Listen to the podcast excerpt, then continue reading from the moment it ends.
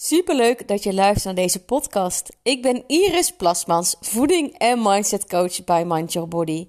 Ik help vrouwen naar een ijzersterke mindset en een liefdevolle relatie tot eten, zodat ze kilo's afvallen zonder gedoe. Benieuwd welke stappen jij kunt zetten om dit ook te bereiken? Meld je dan aan voor de gratis workshop De 4 must-do's om af te vallen zonder dieet. Deze is binnenkort en super interactief, dus meld je snel aan via de link in deze podcastomschrijving. En vandaag in deze podcastaflevering wil ik het met je hebben over dat er in ons telefoongebruik veel meer gelijkenissen zitten aan ook het snijden of overmatig eten dan dat je misschien nu nog denkt. Die telefoon tegenwoordig zit echt aan onze hand gekluisterd. Je zou eens voor de grap moeten kijken hoeveel schermtijd je gemiddeld hebt op een dag. Nou, ik heb ooit schermtijden gehad van 8 uur per dag. Ja, dat je denkt, waar haal je de tijd vandaan? Nou ja, soms had ik dan het excuus, ja, maar ik gebruikte mijn telefoon als navigatie en dat telt natuurlijk ook op. Of hè, als je een podcastje aan het luisteren bent, zoals nu, dan telt dat ook uh, aan je schermtijd op.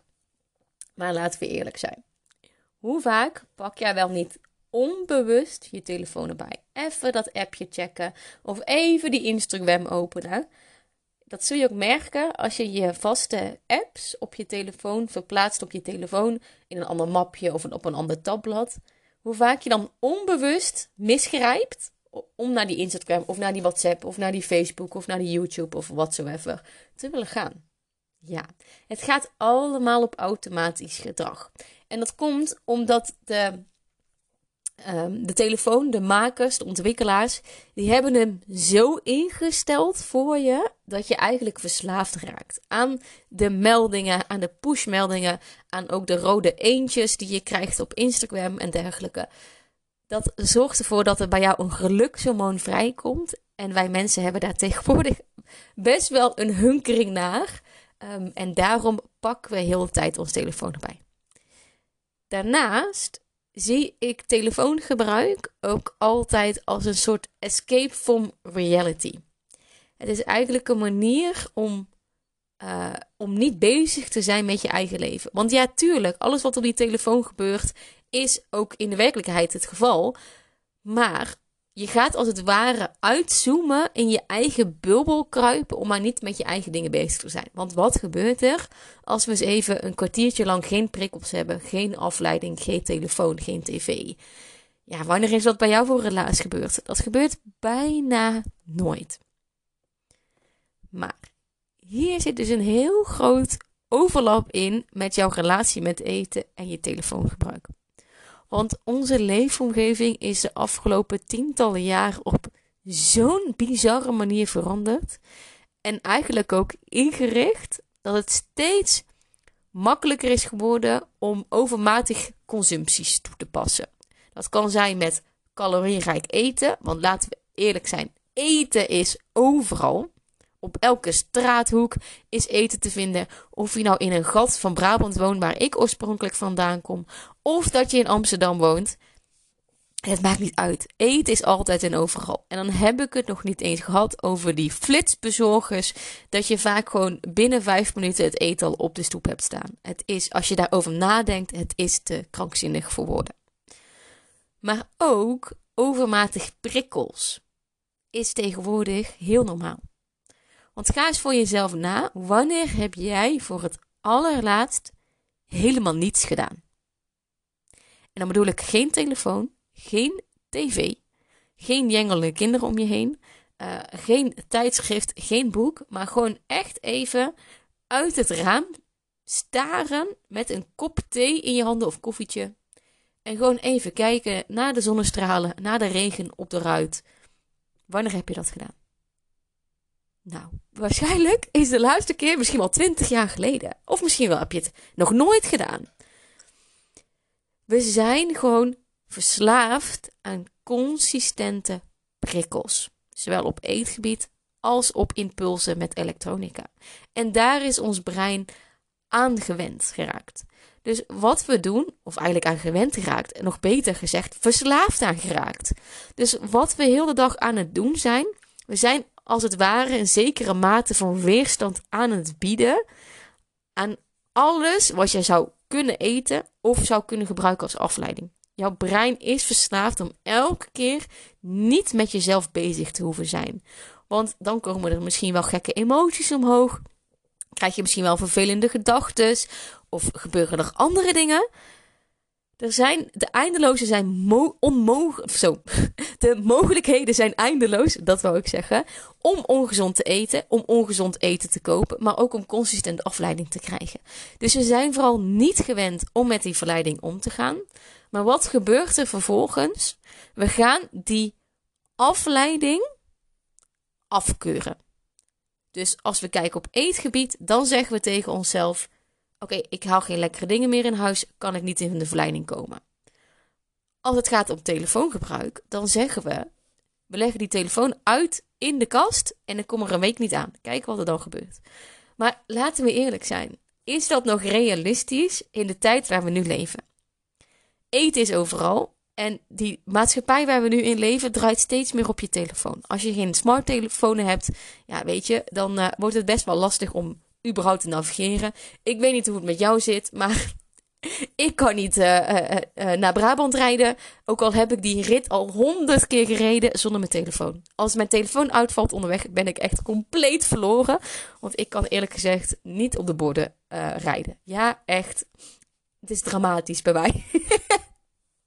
en misschien klop je echt met je oren of denk je nu, oh ja, dat heb ik ook. Nou, ik hoop dat laatste, ben ik niet de enigste gekke hier. Maar um, de telefoon wegstoppen kan niet. Jezelf verbieden dat je niet meer lekkers kan eten, kan ook niet. Want zodra je op een verjaardag komt of zodra er bezoek langskomt, dan moet en zal je lekker eten hebben. Je kunt het simpelweg niet uit je leven bannen. Maar dat is wel wat we doen. En dat is ook wat we verwachten van onszelf. Sterker nog, die verwachting is neergelegd door de diëten die jij hebt gevolgd. Daardoor ben jij gaan geloven dat eten slecht is. Je bent gaan geloven dat chips verschrikkelijk is. Je bent gaan geloven dat het allemaal jouw schuld is. Dat als je maar aan een taartje aanraakt, dat het al direct op je heupen ligt. Maar dan is het ontzeggen van dat lekkere eten niet de oplossing. Nee, want het is nogmaals altijd en overal aanwezig. Maar als je je omgeving niet kan veranderen, dan mag je leren omgaan met die weerstand, maar ook met die verleiding. Want je wordt steeds gevoeliger door de enorme prikkels die wij gaandeweg steeds meer gaan krijgen. Dat beeldscherm wordt steeds um, aantrekkelijker. Kijk maar naar jonge kindjes van een jaar of drie. Ik heb een neefje die is net drie geworden. Nou, als hij voor de tv zit, nou, dan kan je er geen gesprek mee voeren. Die is helemaal ingezoomd op die tv. Kijk, dan kunnen we hem wel gaan zeggen tegen dat neefje van, van drie jaar: van nou, uh, jongen, beeldschermen zijn slecht en uh, uh, ga maar lekker buiten spelen. Wat natuurlijk heel goed is. Maar we kunnen hem dus veel beter leren omgaan met die schermtijd. Veel beter grenzen daarin aangeven. En hoe ga je dus om met die verleidingen? En dat is dus ook wat jij mag gaan doen. Want sommige mensen zijn super visueel ingesteld. En hè, denk maar eens aan een lekkere schaal met bitterballen die net terugkomt vanuit de friteuse. Ja, ik weet niet hoe het met jou zit, maar ik krijg nog net geen rammelende maag. Ook al heb ik net gegeten. Weet je, de water loopt nog net niet in je mond. De een is gewoon visueler ingesteld dan de ander. En daarom krijgen we ook sneller trek als we aan lekker eten denken. Dus het ontzeggen en afkeuren van die prikkels, of het nou gaat op eetgebied, op um, telefoongebruik, is niet de oplossing. Hoe ik bijvoorbeeld mijn eigen schermtijd omlaag heb gekregen. En even voor jouw beeldvorming. Ik zit natuurlijk heel vaak op mijn telefoon ook voor werk. Is eigenlijk met een hele simpele manier. Ik ben vooral gaan kijken, oké, wanneer zit ik veel op mijn telefoon en wanneer ben ik geneigd om op een onbewust niveau die telefoon erbij te pakken. Nou, bij mij is dat vooral als ik dus op mijn uh, werk zit. Uh, mijn telefoon ligt langs mijn laptop en ik moet bijvoorbeeld even wachten omdat er iets moet uploaden of nou, noem een reden waarom je even moet wachten. Een systeem die traag is, whatever. Dan pak ik snel mijn telefoon erbij op onbewust niveau. Maar dat betekent ook dat je dus afschakelt van de taak waar je mee bezig bent, nog onrustiger wordt in je hoofd en eigenlijk ook direct afgeleid bent. Want dan check je even WhatsApp en voor je het weet zit je weer in de Instagram te scrollen, in de Facebook. Het is eindeloos. Dus ik heb vooral gekeken hoe kan ik dus die omgeving beter voor me laten werken zonder in de weerstand te gaan. Kijk, ik kan mezelf afkeuren op dat mobielgebruik van wat stom dat ik mijn telefoon pak. Maar daar, in plaats daarvan zeg ik tegen mezelf: hey, er valt een patroon op. Als ik moet wachten op mijn werk, dan pak ik mijn telefoon erbij. Dat ik gelijk afgeleid ben en de hoeveelheid prikkels is niet fijn. Ik merk dat ik er onrustig van word. Ik merk dat ik overprikkeld word. Hoe kan ik het op een andere manier doen? Hoe kan ik ervoor kiezen dat ik makkelijker en luchtiger met die telefoon omga?